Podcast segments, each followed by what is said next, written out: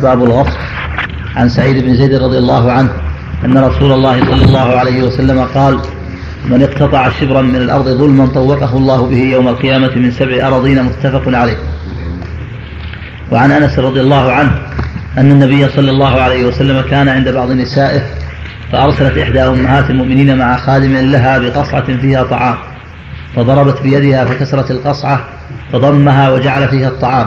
وقال كلوا ودفع القصعة الصحيحة للرسول وحبس المكسورة.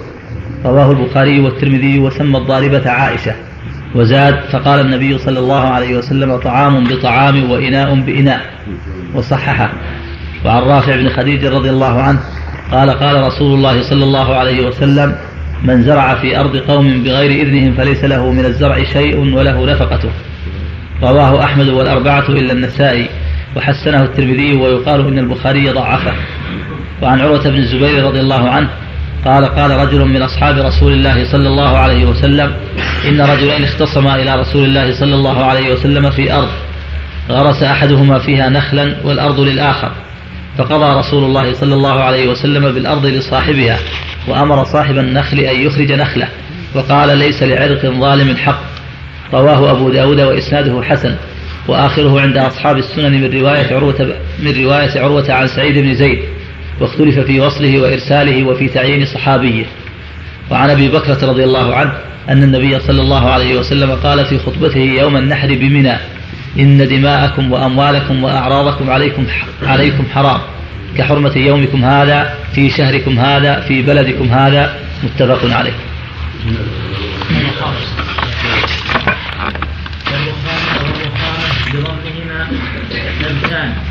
وكغراب نبتان. نبتان. نبتان. نعم. يعني حجر. نعم. وكغراب حجر أبيض رخو. وما كان منه خمريا أو أصفر أو زرزري والرخام. والرخامة والرخامة. رخامة. نعم. الكرسي نعم. كرسي. نعم. والرخامة بالتاء. والرخامة والرخامة. نعم. نعم. بضمهما مم. نبتان. مم. وكغراب حجر أبيض رخو. وما كان منه خمريا أو أصفر أو زرزوريا فمن أصناف الحجار. وذر الصحيح محروق يقطع دمها وحيا. بسم الله الرحمن الرحيم. اللهم صل وسلم على رسول الله. هذا الباب الغصب والغصب غصب غصب يغصب غصبا وهو العدوان على الناس بأخذ الأموال بغير حق. قد غصب أرضه وغصب ماله إذا أخذ بغير حق مكابرة. فإن كان عن طريق الخفاء فهو السرقة. وإن كان عن طريق الغش وهو الجحد والخيانه وذلك من المحرمات العظيمة ومن كبائر الذنوب. فإن الله جل وعلا حرم على الناس دماءهم وأموالهم وأعراضهم. فليس للمسلم أن يأخذ مال أخيه إلا بحق. لا من طريق الخيانه والغش ولا من طريق المكابرة ولا من طريق السرقه ولا من أي طريق إلا بالطرق التي اباحها جل وعلا. ولهذا قال عليه الصلاة والسلام في حديث سعيد هنا من ضرب شبرا من الأرض طوقه الله إياه يوم القيامة سبع أراضين متفق عليه. وجاء معناه من حديث عائشة وغيرها فهو حديث يدل على عظم غصب الأراضين وأن خطره عظيم وأن فاعله يحمل هذا الذنب وهذه الجريمة. من سبع اراضين عقوبة له قيل معناه أنها تكون طوقا في عنقه. قيل معنى يخسر به إلى سبع أراضين ولا منافاه فإنه يجعل طوقا في عنقه يعذب به يوم القيامة نسأل الله العافية. وهذا نوع من البلاء غير ما يناله من عذاب الله يوم القيامة في النار نسأل الله العافية إلا أن يعفو الله عنه. والمقصود من هذا الحذر من ظلم الأرض والتعدي عليها وأن ذلك مما منه هذه العقوبة العظيمة. ويعمه قوله صلى الله عليه وسلم إن دماءكم وأموالكم وأعراضكم عليكم حرام. هذا الحديث لو كان في صدر الباب لكان أنسب لأنه عام. يعم الغصب وغيره ولسعيد سد قصة في هذا فإن امرأته قال أروى اتهمته بأرض لها فقال أنا أخذ أرضها؟ وقد سمعت النبي صلى الله عليه وسلم من ظلم شبرا من الأرض وذكر الحديث. ثم قال اللهم إن كانت كاذبة فأعمي بصرها واقتلها في أرض. فعمي بصرها وسقطت في حفرة في أرضها ثبتت نسأل الله السلامة والعافية. حديث ثاني حديث عائشة في قصة الطعام. في أن امرأة من أزواج النبي صلى الله عليه وسلم بعث النبي صلى الله عليه وسلم بطعام. فرأته عائشة ذلك الطعام جاء في رواية بن زينب في رواية بن صفية فأخذها ما يأخذ النساء من الغيرة فضربت القصعة. فانكسرت فجمع النبي الطعام صلى الله عليه وسلم وأكل الناس ثم حبس المكسورة وحبس الرسول ودعا بقصعة من جنسها من بيت عائشة وردها إلى المهدية وقال طعام طعام وإناء بإناء هذا يدل على أن المغصوب يرد إن كان موجودا وإن عدم رد مثله سواء كان إناء أو لباسا. أو مكيلا أو موزونا أو حيوانا أو غير ذلك حيث أمكن. فإن لم يمكن المثل فالقيمة ولهذا قال عليه الصلاة طعام بطعام وإناء بإناء وفي هذا غيرة النساء شدتها. النساء لهن غيرة شديدة ولو كنا فاضلات ولو كنا كريمات ولو كنا عالمات قد يقع لهن من الغيرة ما يستغرب ويستنكر. وهذا شيء من جعله الله في جبلتهن. قد لا يملكن أنفسهن عند وجوده. وهذه عائشة مع كونها من فضليات النساء ومن أفضل النساء ومن خير النساء مع هذا يقع لها ما يقع من جنس هذا الأمر الأمر. فلا يستنكر وقوعه من دونهن بكثير وبمراتب الحديث الثالث حديث رافع بن خديج رضي الله عنه من زرع ارضا بغير إذن. فيه دلالة على أن الزارع ليس له من الزرع شيء وله النفقة. اختلف العلماء في ذلك. وذكره الترمذي عن أحمد وإسحاق وذكره آخر عن جمع من أهل العلم وقال آخر بل له زرع فعليه أجرة ولكن الصواب ما دل عليه الحديث وهو حديث لا بأس به.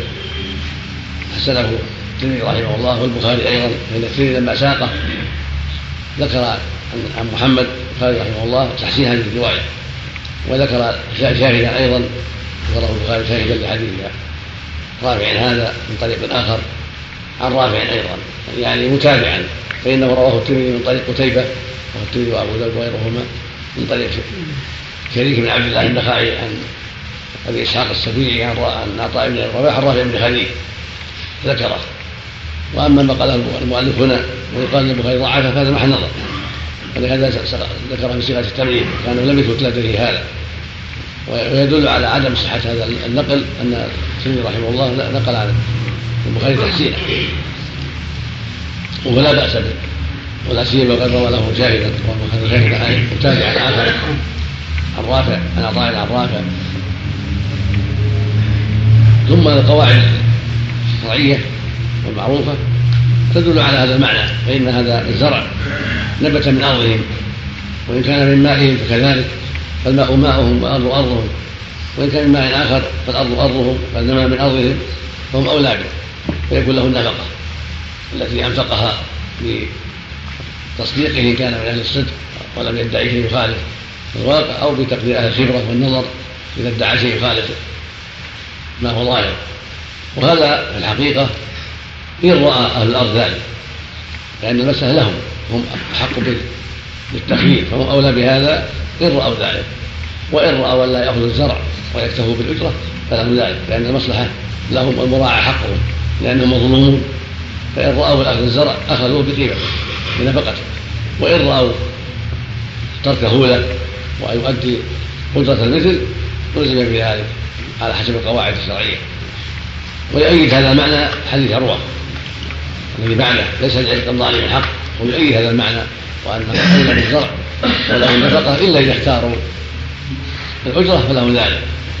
وحديث البكرة الذي بعده يدل على ما تقدم من تحرير الدماء أموال والأعراض ومن جملة ذلك الزرع فليس لأحد يزرع في أرض ولا يجلس في أرض قوم إلا بإذنه.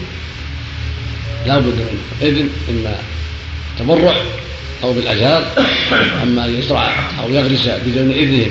هذا من باب الظلم ومن باب الغصب ولا يجوز. نعم. الله قول إناء بإناء. نعم. إناء بإناء وطعام بطعام. الإناء أبدل بإناء لكن كيف معنى كان كان المراد بيان قاعدة يعني مثل هذا أن إذا أتلفت طعام يجب نظيره. لا ما ما ذكر في الحديث انه أنه ألزم عائشه بطعام الطعام أكل. حديث أبي داود فضم القصعة وأكلوا نعم ولأن الطعام أفتي أهداه الصحيح نعم. الطعام أفتي. نعم انتهى المقصود بيان قاعدة عليه الله أنه يقال إذا قبل الواسع كانت قضية. هذه قضية يقاس عليها غيره. نعم الله النفقة من باب تأسيس قاعدة. النفقة التي للغاصب. يعني يعطى مثلا نفقة البذر ونفقة الماء مثلا جلب الماء مثلا إذا جلب. كل ما كل ما كل ما لحق الزرع هذا. كل ما أنفق في الزرع هذا. إذا كانوا لا يرغبون لا ما هم هم ملزومين نصح لهم هم مظلومون. قد يكونون لا يرون هذا الشيء نعم, نعم. على لكن يتعدوا بعضهم يأخذ حرام ويحييها هل عليه شيء؟ الأصل فهي لا لكن إذا إذا رأوا ولي الأمر حز الناس لأن يظلم بعضهم بعضا وراى أن لا إلا بإذن فلا بأس. له له له النظر ولي الامر له النظر ليس له ليس له. يلزمهم الوقوف حيث وقفوا ولي الأمر له النظر ولو له النظر في ولي الأمر. إذا منعهم يمتنعون نعم. اختلاف في حديث عروة. نعم. اختلاف في حديث عروة في وصل وارسال ما تتبعته ما تتبعته لكن مهما كان فهو الواصل مقدم على المرسل قاعدة لأن الحديث ثابت رجال الثقات فمن أرسل لا يعارض عن وصل الصواب أن الواصل مقدم. نعم.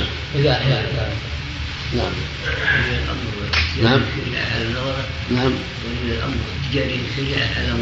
نعم. إذا كان الشيء محل خلاف ومحل خطر ومحل نزاع له يحل النزاع ويمنع الناس من شيء سفك الفتن بينهم وظلم ما بينهم. يوم اليوم هو الحاكم بين الناس ما يتنازعون فيه. صلى الله عليك شيخ. لا يجوز كان ولي الامر عليه السمع والطاعة نعم. أقول في حديث عروة امرها أمر صاحب النخل أن يقلع نخله. نعم. الحديث الأول يقول ليس له من الزرع شيء وله نفقة. لم يأمرها يزرع اسهل لأن موقع الزرع خلاف النخل النخل يبقى مدة طويلة وسنوات طويلة يبقى أما الزرع مدة يسيرة إذا بقي لمصلحة ظاهرة فهو للزارع أو لأهل الأرض حسب ما يرون. أما النخل لا شجر له مدة طويلة. فلهذا أمر بقلعه نعم. نعم. ما عندنا حاليا مجلس العلماء. جلسات بدأت امس نحتاج إلى بعض الوقت. سامحوا لنا أسبوعين هذه. إلا الطحاويه والفتاوى والبخاري فقط حتى تدرس المصطلح الشيخ حزام وأخونا جرب كذلك في بلاد هذا نسمح بلوغ. لأن مشغولون بعض الشغل بلوغ غدا إن شاء الله. البلوغ ما البلوغ البخاري والفتاوى والطحاويه أسبوعين هذا والسلام على نبينا محمد وعلى آله وصحبه أجمعين. قال رحمه الله تعالى باب الشفعة. عن جابر بن عبد الله رضي الله عنهما قال قضى رسول الله صلى الله عليه وسلم بالشفعة في كل ما لم يقسم. فإذا وقعت الحدود وصرفت الطرق فلا شفعة. متفق عليه واللفظ للبخاري.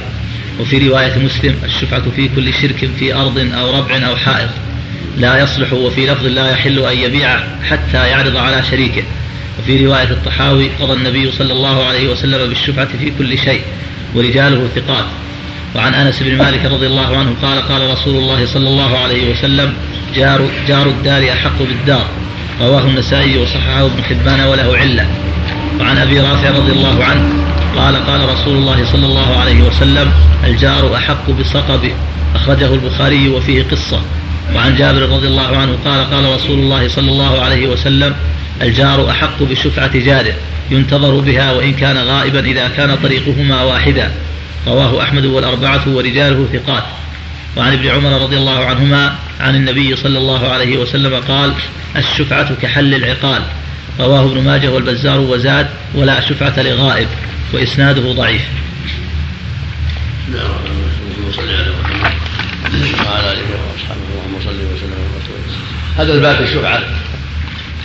ذكر فيه المؤلف خمسة أحاديث. والشفعة هي ضم الشريك. بل طلب الشريك ظن شخص شريكه إلى شخص فيكون شفاعه بغيره. والشافع الذي ضم نفسه إلى إلى الفرد الوتر وصار شافعا. والشفاعة كون الشخص يضم صوته إلى صوت أخيه في طلب شيء. فالشفيع أراد بشفاعته أراد بشفعته أن يضم نصيب الشريك إلى نصيبه في العقار ونحوه.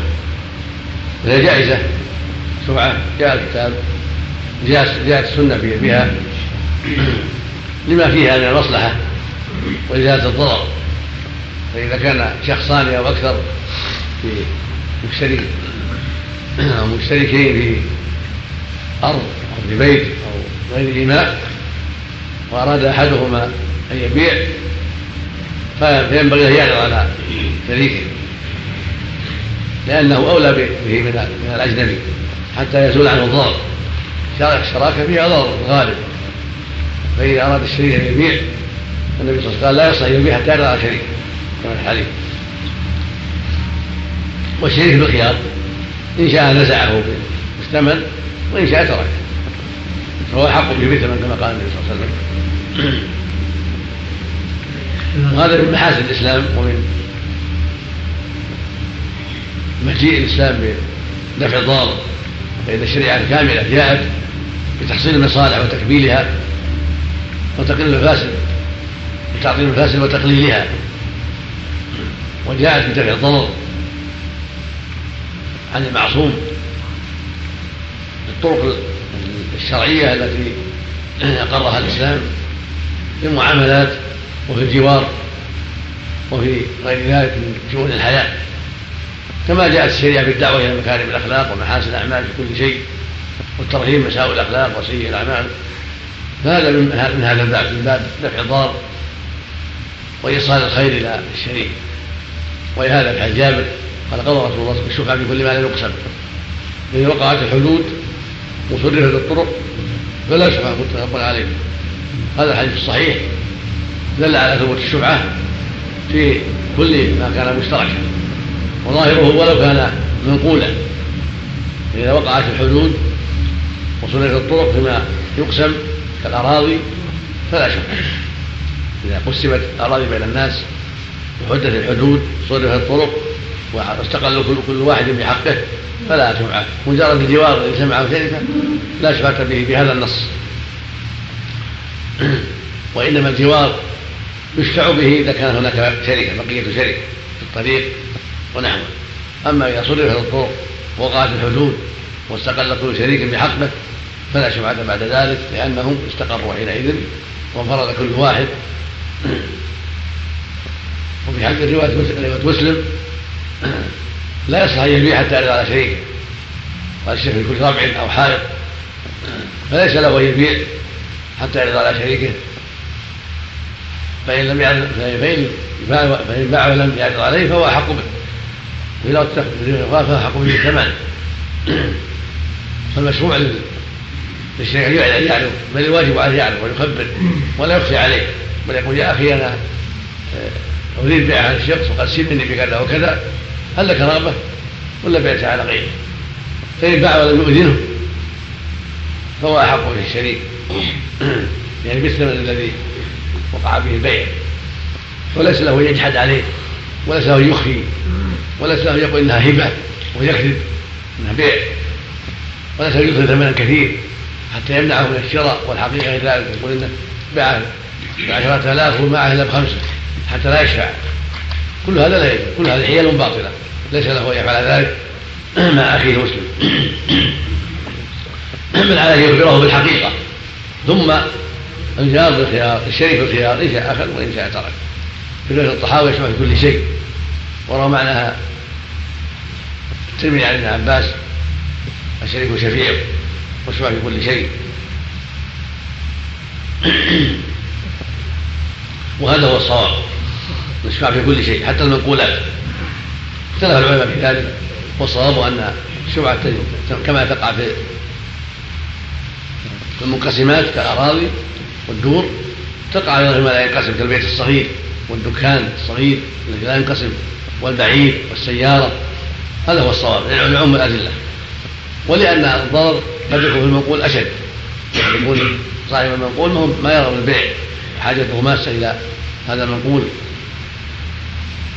وقد يعرض هذا ما جاء في عشق العبد المشترك ومراعاة حق الشريك.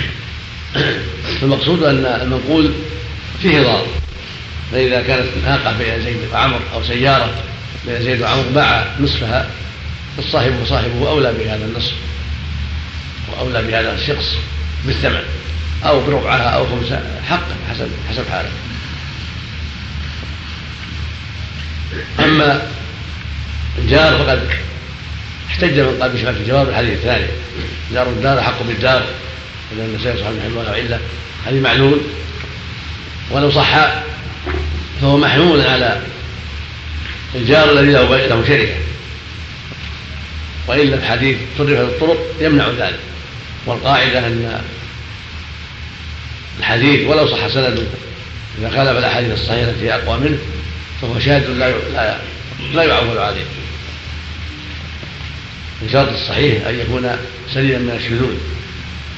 ويفسر هذا المعنى رواية أبي رافع ورواية جابر الأخرى. الجار حق بشفعة جاره ينتظر به وإن كان غائبا إذا كان طريقهما واحدا. فهذا لو صح حديث أنس فهو محمول على هذا المعنى. يعني إذا كان الجار له شركة. أما جار لا شركة له قد استقل بطريقه ومرافقه فلا شفعة له. بنص حديث جابر السابق وحديث الأخير الرابع. الحديثان متفقان وهذا هو الصواب وهو اختيار شيخ الإسلام ابن تيمية وجماعة. أما الجار المجرد فالجمهور على أن لا شفعة له خلافا لأبي حنيفة رحمه الله. ويدل على معنى حديث أبي رافع الجار حق بصقبه فإن كان لسعد بن ابي وقاص بيتان. كان لابي رافع لسعد في لرافع البيتان في بيت سعد فطلب من مشوار المكرم أن يشير على سعد ان يشتريهما قال لولا أن يقول كذا لبعتهما على غيره فاشتراهما سعد. المقصود قد صغى به يعني بقربه الذي معه معه اشتراك فإن البيتين يعني حجرتين في بيت سعد. فصار هو أحق بذلك من الأجنبي. اشترك معه في الطريق الذي يوصل إلى البيت. كما في حديث جابر أخيه. فلهذا رأى أبو رافع أن سعد أولى فباعها عليه لأن لشراكته أما ما يتعلق بالغائب فله الشبهة إذا حضر إذا ما لم يعلم فله الشبهة وهكذا الصغير إذا لم يشفع له وليه ولم ينظر له ولي أو لا ولي له فله الشبهة على الصحيح إذا بلغ وعليه قيمة ما أحدثه. الشفيع المشتري الحديث لا ضرر ولا ضرر. فإذا رغب في الشفعة فيشفع ويشتري ويقوم عليه ما أحدثه. المشتري غراس وبناء ونحو ذلك. وأما متى يشفع وهل يمهل أو ما يمهل فالصواب انها على الفور لكن لا للأحاديث الضعيفة المذكوره هذا الحديث اشبه حل العقال؟ هذا حديث ضعيف عند أهل العلم. كل ما جاء في الباب كلها حديث ضعيفة غير ثابته عند أهل العلم. ولكن المعتمد في هذا المعنى. فهي لإزالة الضرر والمشتري عليه ضرر إذا أخر عليه الشفيع. فلا يزال ضررا بضرر. والرسول قال عليه الصلاة والسلام لا ضرر ولا ضرر. فحينئذ يقال للشفيع إما أن تبادر وإما أن أن تسقط شفعته فإذا شفع يقال بادر سلم المال وخذ الشخص وإلا فلا ويمهله الحاكم الإداري أو الحاكم الشرعي إذا كان هناك حاكم شرعي يمهله المدة المناسبة التي يراها ثلاثة أيام أو يومين أو حسب ما يرى والثلاثة لها وجه شرعي. قد قدر بها النبي صلى الله عليه وسلم أحكاما كثيرة. فإن أحفظ المال وإلا فلا شفعة له. جمعا بين الأدلة ودفعا للضرر عن المشتري وتمكينا للشفيع من تحضير الثمن لأن قد لا يحضر يستطيع إحضاره في اليوم الحاضر أو اليومين فإذا عمله ثلاثا أو نحوها على حسب اجتهاد القاضي أو من يقوم مقام القاضي فلا بأس. المقصود أنه لا يجاوز طرف الضرر هذا هو الصواب. لا بد من مراعاة عدم ضرر المشتري نعم. الله حديث الجار وحقه بالصقب هذا يقول ما اشترط أن يكون الطريق واحد عام. إذا كان قيد هذا بحديث جابر يعني. قرب. مجمل نعم. اشترط الأحاديث التي قبله بعد حديث جابر. في الصحيحين وحديث الاخير يعني يكون بينهم القرب لأنه القرب الذي فيه اشتراك. لأنه مجمل على قاعدة من القرآن والسنة يفسره يفسره المبين. يعني إذا كان جيران يعني وليس بينهما شركه فلا شرع لكن في في بيتين والطريق واحد. وأراد أحد الجيران أن يبيع بيته. نعم.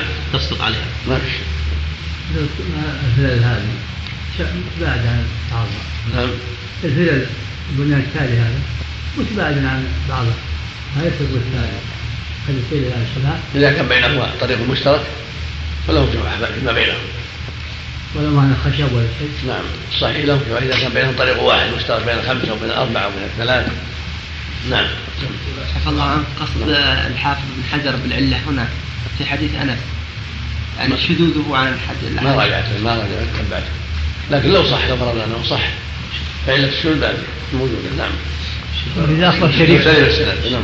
صلى الله عليك. إذا أخبر شريكه بأنه بيبيع الشخص وقال الشريك ما له فيه نظر.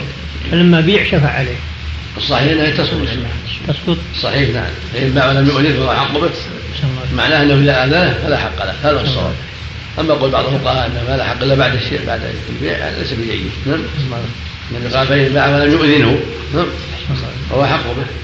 هذا مفهوم أنه إذا كان آذنه فليس احد نعم. الله شيخ. نعم.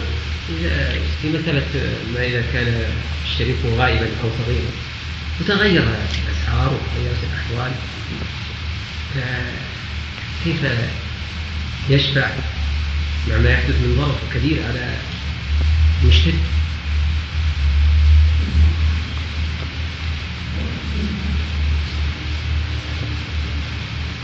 الاضرار التي يمكن تلافيها تتلافى اما مجرد السعر ما, ما يمنع. مجرد غلاء السعر تغير السعر ظاهره ما يمنع. أما اذا كان ضرر بابنيه أو شبه ذلك شق نهر أو حفر بئر أو هذا يقدر له. كل شيء يقدر فيما يشبه ذاك الوقت. وقت الشفاعة لكن يكون ماله قد حبس سنين يا فضيلة الشيخ أقول ماله المشتري. يعني حبس سنين ما ضاع عليه شيء. أو ما ضاع عليه استغله واستفاد منه؟ إنما السعر تغيرت وامواله التي بنى يأخذها كل شيء يأخذ. كل ما حدث أحدث يقدر هذا على القول بهذا. نعم والله الحديث جابر الاخير نعم. الشريك إذا كان صغير.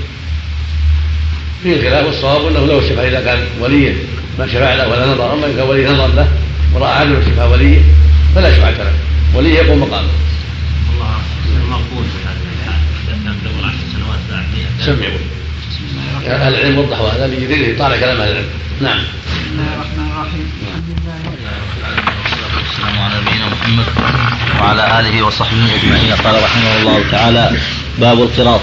عن صهيب رضي الله عنه أن النبي صلى الله عليه وسلم قال ثلاث فيهن البركة. البيع إلى أجل والمقارضه وخلط البر بالشعير للبيت لا للبيع. رواه ابن ماجه بإسناد ضعيف. وعن حكيم بن حزام رضي الله عنه أنه كان يشترط على الرجل إذا أعطاه مالا مقارضه الا تجعل مالي في كبد الرطبة ولا تحمله في بحر ولا تنزل به في بطن مسير فإن فعلت, فإن فعلت شيئا من ذلك فقد ضمنت مالي. رواه الدار قطني ورجاله ثقات. وقال مالك في الموطأ عن العلاء بن عبد الرحمن بن يعقوب عن أبيه عن جده أنه عمل في مال لعثمان على أن الربح بينهما وهو موقوف صحيح. باب المسابقة. هذا الباب في القراض والقراض هو المضاربة. القارض قراضا وضرب غرابا ومضاربة يعني دفع ماله إلى من يعمل فيه بجزء مشاع من الربح معلوم.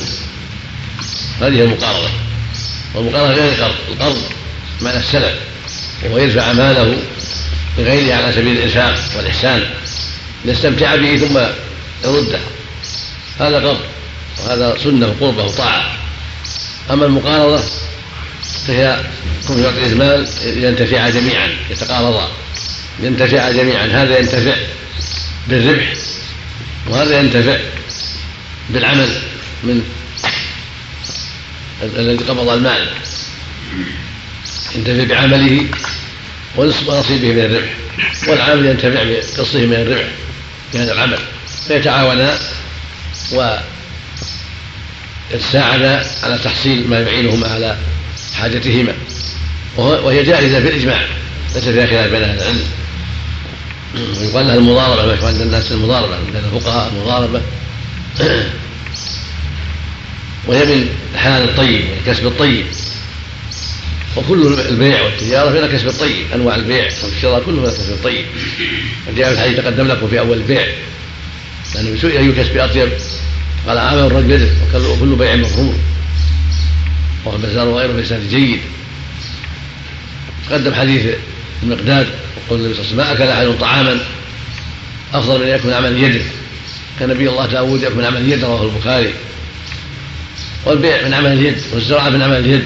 والنجارة والحدادة كلها من عمل اليد فعمل اليد من أحل الحلال وأفضل الحلال. والمقارضة من ذلك فإن صاحب المال استناب المضارب العامل ليعمل كان عاملين جميعا هذا بماله واستنابته العامل وهذا بعمل يده وبيعه وشرائه. ومن شرطها أن يكون الجزء مشاع معلوم. لهذا أو هذا. فيقول له مثلا لك الربع والباقي لي لك الثلث والباقي لي سواء كان للعامل أو للمالك. قال لك الربع أيها العامل والباقي للمالك أو العكس لك الربع أيها المالك والباقي للعامل كلهم جائز. أما بدراهم معلومة فلا تجوز عند جميع أهل العلم. لو قال هذا المال تضارب به وتعمل على أن تعطي كل شهر درهم أو كل سنة عشرة. لم تجوز عند الجميع. لأن قد لا يربح إلا هذا وقد لا يربح شيئا فينضر ولكن إذا كان بجزء مشاع معلوم فلا بأس. والشركة أنواع هذا منها. المضاربة والاقتراض حديث الأول حديث صهيب وهو من سنان الرومي المعروف الصحابي الجليل رضي الله عنه أن النبي صلى الله عليه وسلم قال ثلاث فيهن البركة البيع الآجل والمقارضة. وخلط البر بالشعير ليس للبيع خرج ابن ماجه بإسناد ضعيف الحديث ضعيف. لما في سنده من الجهالة. ولكن المعنى صحيح. من جهة المعنى الأول والثاني. من جهة البيع إلى أجل من جهة المقاربة وهي معاملة مباركة وهي عمل المهاجرين رضي الله عنهم وعمل المسلمين من عهد النبي صلى الله عليه وسلم. فهو عمل جيد مبارك. مع الصدق ومع البيان كما في الحديث الصحيح. البيعان بالخيار ما لم يتفرقا. فإن صدقا وبينا بورك لهما في بيعهما وإن كتما وكذبا محقت بركة بركة بيعهما. تقدم حديث عن الشريكين. لم يكن أحد أحدهما صاحبه. فإذا كان خرج من بينهما الشركة مع الصدق والبيان والأمانة مبارك. والبيع مبارك مع الصدق والبيان. وكان المهاجرون مهنتهم التجارة. وكان الأنصار مهنتهم الزراعة. وكلتاهما عمل طيب. كلتا كلا العملين عمل طيب. وكلتا صنعتين طريقتين طيبة. الحاصل أن أن هذا أن هذين العملين التجارة والزراعة وهكذا سائر أكساب اليد من نجارة وحدادة وخرازة وكتابة وغير ذلك كله طيب. أما خلط البر بالشعير بيت البيع فهذا لا أعلم له أصلا إلا هذا حديث ضعيف. ولا أعلم ما يدل على شرعية ذلك. فإذا بيع البر على حدة والشعير على حدة فالأظهر أنه أولى حتى يؤكل من هذا على حدة ومن هذا على حدة وإذا خلط فلا بأس. كله كله من باب المباح ليس فيه شيء يقتضي تفضيل هذا على هذا. لكن جعل هذا على حدة حتى يعطى منه يطعم منه يطعم منه. يستحق ذلك والشعير على حدة ليؤخذ من الحاجة المطلوبة. وإذا خلط للحاجة ولمصلحة أخرى فلا بأس. الأمر في هذا واضح. وليس فيه مشاحة وكله مباح. كذلك أنواع الطعام يتخاطى بعضها ببعض كله لا بأس به لأن المرجع واحد. وإنما هذا يختلف بحسب رغبات الناس وعوائدهم فالذرة والدخن والشعير والحنطة والأرز وسائر أنواع الحبوب. الله جل وعلا من بها على عباده رحمة بهم وإحسان إليهم فله التصرف فيها كما يشاءون وعلى حسب عوائدهم ليس في هذا مشاحة حديث حكيم الحزام وحديث العلاء بن عبد الرحمن بن يعقوب كلاهما يدلان على أن المقارنة أمر معروف معاملة معروفة بين الصحابة وجائزة. كان يستعملها عثمان. كذلك حكيم الحزام وهو من التجار المعروفين في مكة. فلا بأس بها ويعمل المسلمين. لكن بالشرط المتقدم وأن تكون على شيء معلوم وأن تكون الشروط واضحة ليس فيها جهالة. وإذا اشترط فيما بينهم شروطا معلومة فلا بأس. كان يشترط عليه المالك ألا يسافر ألا يسافر بها إلى كذا ولا كذا. لا مواضع خطرة لا لا تسافر بها إلى بلد كذا أو إلى ناحية كذا. أو مثل ما قال حكيم ألا تنزل في بطن المسيل ولا تحملها في بحر وأشبه هذا الشروط التي يشترطها أو يمليها المالك. إذا كانت لا محذور فيها يجب على العامل أن يلتزم بها. وهكذا ما يتعلق بالجزء المشاع بينهما أو بالسلع التي تتجر فيها يلتزم. فلو قال له ليس لك أن تتجر في الحيوان وإذا تكون التجارة في غير الحيوان يلتزم. أو قال ليس لك التجارة في كذا وكذا من الملابس أو من الأواني فيلتزم لأن هذا في مصلحة الجميع. والمالك ينظر في مصلحة ماله وما هو بعيد عن الخطر. فإذا شرط شيء يتعلق بحفظ المال أو بنوع المال أو جنس البلاد أو جنس الجهات التي يسافر إليها اعتبر ذلك. الله أعلم. إذا بضعه حجر نعم. إذا بضع دراهم نعم. السلعة الفلانية حجر عليه حطها في غيره. يلتزم. إذا شرط على شيء يلتزم. إذا شرط شيء شيء إلا إذا كان محرم لا يلتزم. إذا قال تبيع الخمر أو تبيع كذا لا يجوز. أما إذا كان شيء مباح عليه يلتزم بما قاله صاحب المال ولا يخالف لأنه مؤتمن وعامل بالوكالة فليس له أن يخالف نعم. حجر على السلعة الفلانية. نعم. بضع دراهم حجر على السلعة الفلانية. إذا قال لا تشتري السلعة الفلانية لا يشتريها نعم. هذا يكتب في مرفوع نعم الكتاب. هذا يكتب في حديث مرفوع ما ما نعم ابواب الفقه فيها المشروع السنة حتى القراءه ووجدنا له أصلا في السنة لكنه يجمع صحيح فلانه كان في امره صلى الله عليه وسلم لا غلط هذا. الله جل وعلا قال اوفوا العقود. هذا من العقود. تدخل في القرآن. المقارضه والمضاربه عقد داخل في قول اوفوا بالعقود والأصل فيها الجواز. الأصل في العقود كلها الجواز. هذا هو الأصل. إلا ما دل الشرع تعليمه نعم. نعم. نعم. نعم.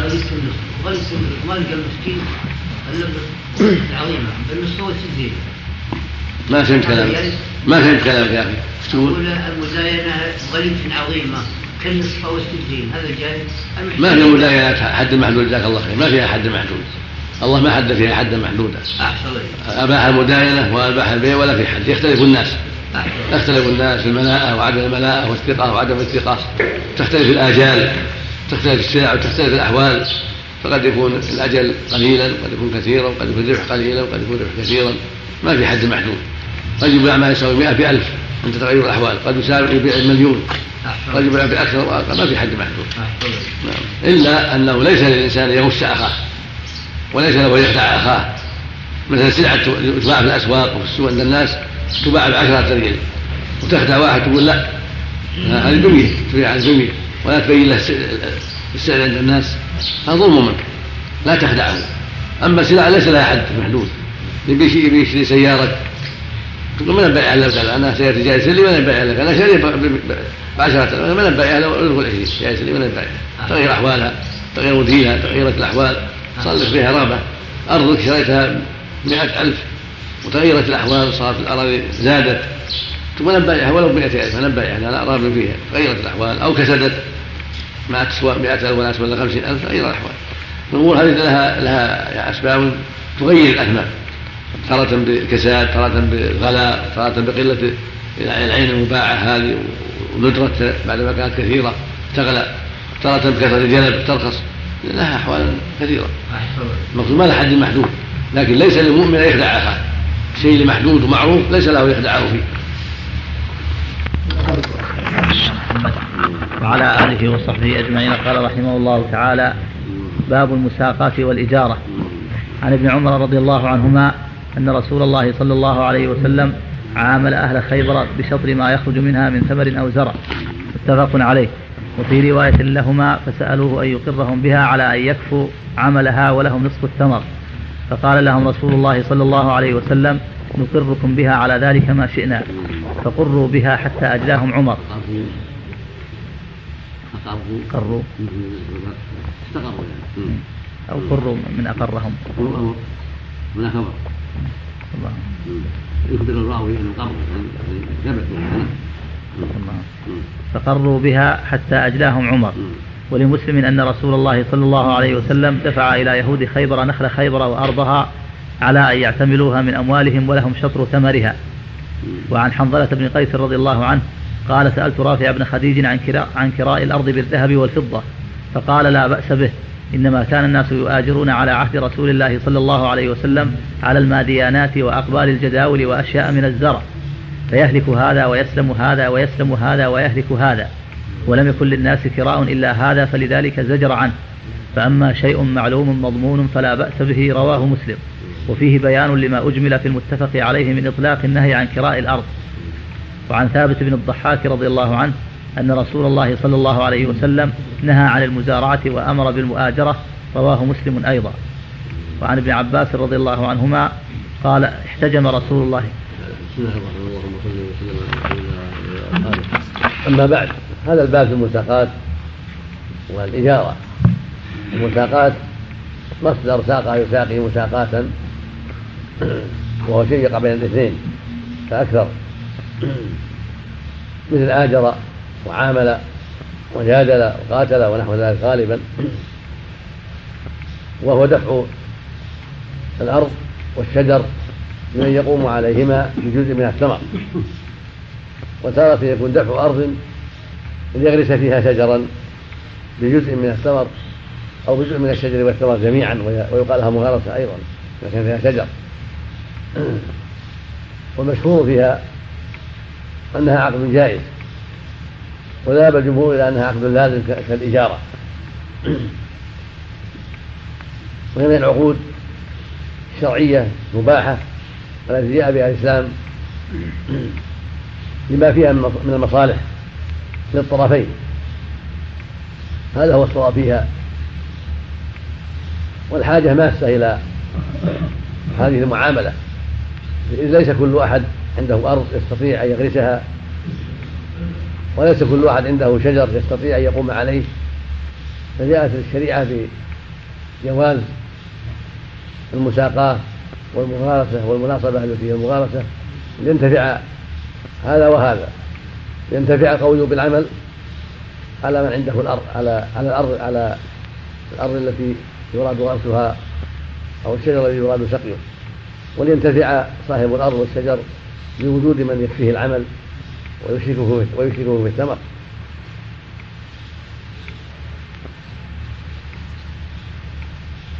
والصواب أنها عقد جائز عند الإطلاق. أما عند التحديد وضبط المدة فالمسلمون على شروطهم. تكون لا تكون لازمة. إذا اتفق على مدة معلومة صارت لازمة كالإجارة وسائر العقود لأن قال أوفوا بالعقود. أما إذا كانت مطلقة مثل ما قال نقركم بها ما شئنا وما أقركم الله فهي جائزة لأنهم لم يحددوا مدة. وهذا هو الجمع بين النصوص والقواعد الشرعية.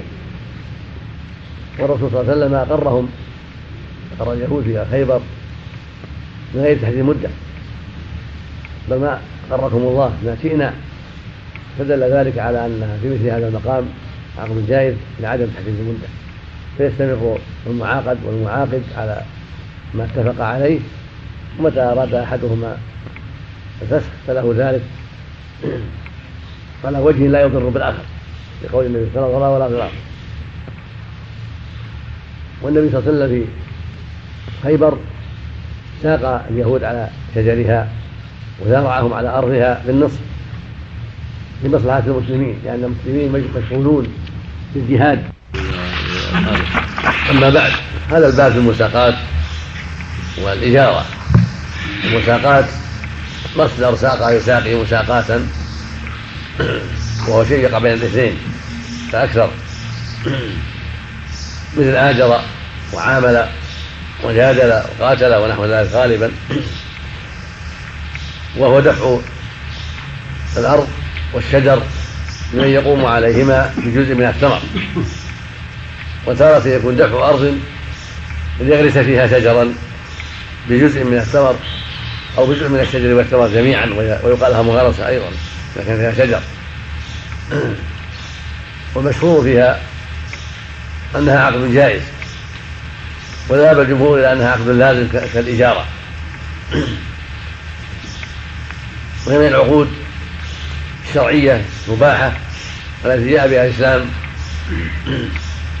لما فيها من المصالح للطرفين هذا هو الصواب فيها. والحاجة ماسة إلى هذه المعاملة. ليس كل أحد عنده أرض يستطيع أن يغرسها وليس كل واحد عنده شجر يستطيع أن يقوم عليه.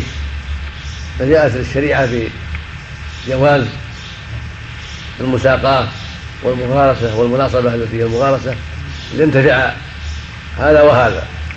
ينتفع القوي بالعمل على من عنده الأرض على على الأرض على الأرض التي يراد غرسها أو الشجر الذي يراد سقيه.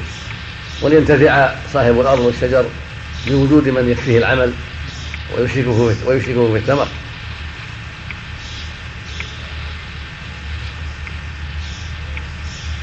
والصواب أنها عقد جائز عند الإطلاق. أما عند التحديد وضبط المدة فالمسلمون على شروطهم. تكون لا تكون لازمة. إذا اتفق على مدة معلومة فهذه لازمة كالإجارة وسائر العقود. لأن قال أوفوا بالعقود. أما إذا كانت مطلقة مثل ما قال نقركم ما شئنا أو ما أقركم الله فهي جائزة لأنهم لم يحددوا مدة. وهذا هو الجمع بين النصوص والقواعد الشرعية. والرسول صلى الله عليه وسلم أقرهم. أقر اليهود في خيبر من غير تحديد مدة. بل ما أقركم الله ما شئنا. فدل ذلك على أنها في مثل هذا المقام عقد جائز لعدم تحديد المدة. فيستمر المعاقد والمعاقد على ما اتفق عليه ومتى أراد أحدهما الفسخ فله ذلك. على وجه لا يضر بالآخر لقول النبي صلى الله عليه وسلم. ولا والنبي صلى الله عليه وسلم في خيبر ساق اليهود على شجرها وزرعهم على أرضها بالنصف لمصلحة المسلمين لأن المسلمين مشغولون بالجهاد. وليس عندهم الفراغ حتى يقوموا على أرض خيبر وشجرها. واليهود فارغون لهذا وهم أعلم الناس بهذا فلهذا اقتضت المصلحة الشرعية من المسلمين بقاءهم ذلك الوقت. وإن كانوا أعداء ولكن للحاجة. وكان اتفق معه صلى الله عليه وسلم على النصف من الثمر. والزرع وكان يبعث عليهم من يخرس الزروع من يخرس لهم من يخرس من يخرس ثمارهم ويأخذ منها النصف. وليس فيه لما أعلم شيء من الروايات ذكر الزرع ولكنه تابع. عدم ذكره يدل على أنه تابع وأنه يخلص مع الشجر لعدم تخصيصه بشيء.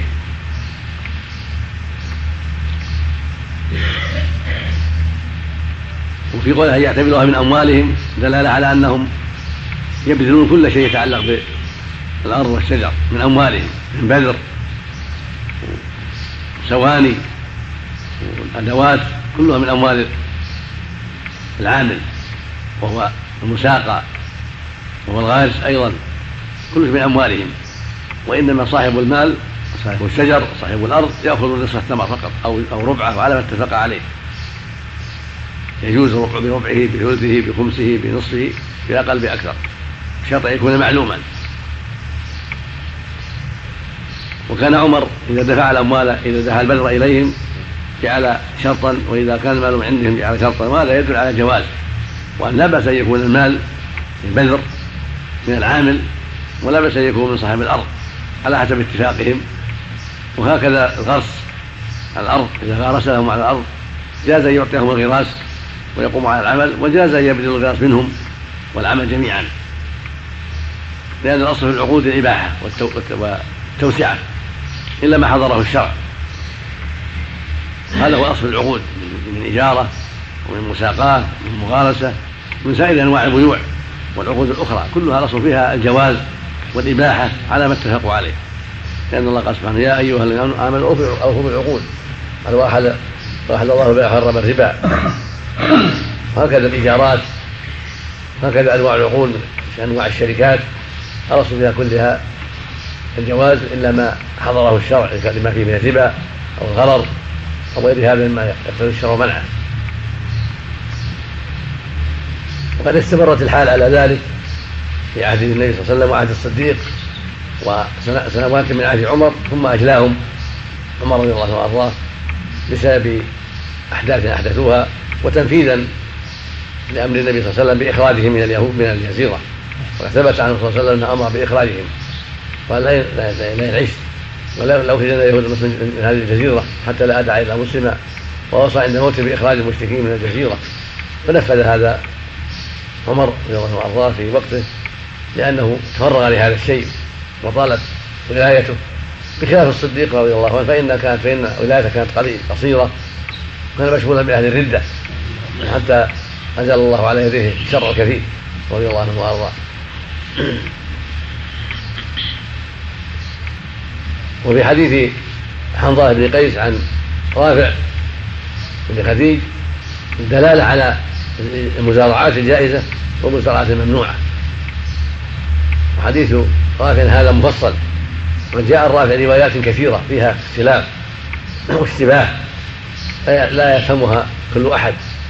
ولكن بضم بعضها إلى بعض كما قال المؤلف يكون المفصل يبين المجمل والخاص يبين العام وبحمل هذا على هذا تتضح الروايات اشكل روايات رافع على كثير من الناس وظنوا أن المزارعة ممنوعة ولم يفهموا ما جاء في الروايات المفصلة قد فصلت هذه الرواية أن ما كان بشيء معلوم مضمون فلا بأس به.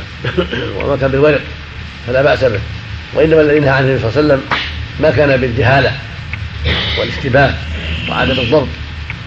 كان كان زارعه على الماليانات وهي ما ينبت على السواقي أو, ما أو, أو على الجوال الزاول ما ينبت في مقدمها عند أفرة المياه أو يزارع على ما أنبتت هذه فلي وما أنبتت الأخرى فلك أو العكس على أراضي يعينها. هذه كلها فيها جهالة. قد تنبت هذه وقد لا تنبت هذه وقد يجود هذا ولا يجود هذا قد يسلم هذا ويهلك هذا. بين في الرواية. فأما أشياء المبينة المعلومة أو بدء المشاة كما جرى للنبي مع أهل خيبر هذا لا جهالة فيه ولا إشكال فيه وهو صحيح. وهكذا رواية النبي صلى الله عليه وسلم عن المزارعة وأمر بالمهاجرة المراد المزارعة التي فيها جهالة فيها غلط